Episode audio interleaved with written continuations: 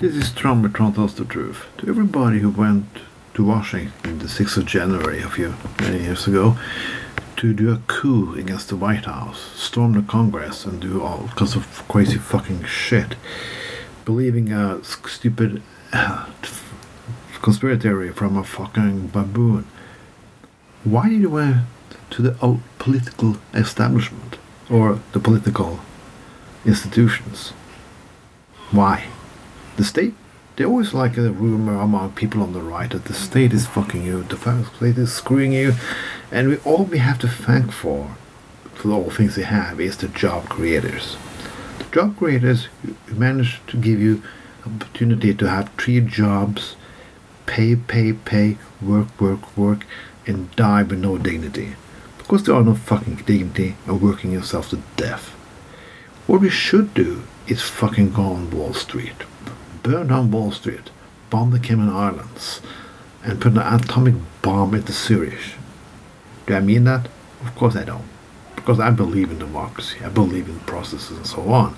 And I think we can fucking change the world through democracy. The problem is, democracy doesn't work anymore because people don't believe in democracy because they don't believe in anything anymore. They believe in the fucking people who are the problem the problem defining what is the problem for them. The Wall Street, for them, the problem is the state. They are the government. They are the fucking unions. But they are there for the people. The Wall Street and the fucking rich fucking elite like Trump are not. They're not gonna save you. They don't give a fuck about you. If you die on cotton fields, they're not doing your shit. And you're doing their bidding do you let them enslave you? You think you have that an option that they're gonna give you the tools to be free because they're not. They're never gonna give you the tools to do anything. They're gonna give you the tools to obey, obey, obey, and maybe consume a little, then fucking you die if they don't need you anymore. They are the society, they don't want you. They just want you to be fucking ignorant, stupid fucking slaves.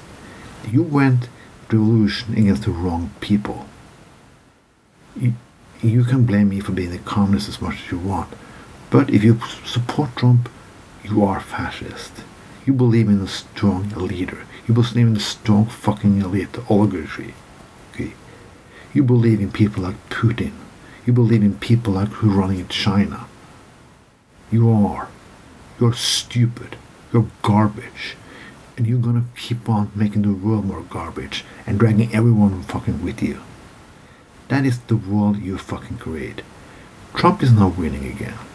He's not, even that he is a clear criminal. He was fucking worse than Nixon. But he's getting away with it because there's no fucking decent Republican left. Mitt Romney was. But he had to resign from his position. He cannot be elected anymore because there are no fucking real conservatives. It's new conservatism. And new conservatism is fascism. People who support Trump support fascism. Fascism. Fascism. And you're going to enslave all of us because this doesn't stop with you. You're going to continue fucking to us and the fucking rest of the world. Fuck you fucking so much. I hope you fucking rot in hell if you do three, four fucking jobs and your lovely shitty lives in your fucking stupid trailer parks. This was John McTron tells the truth. Have a fucking nice weekend, fascist.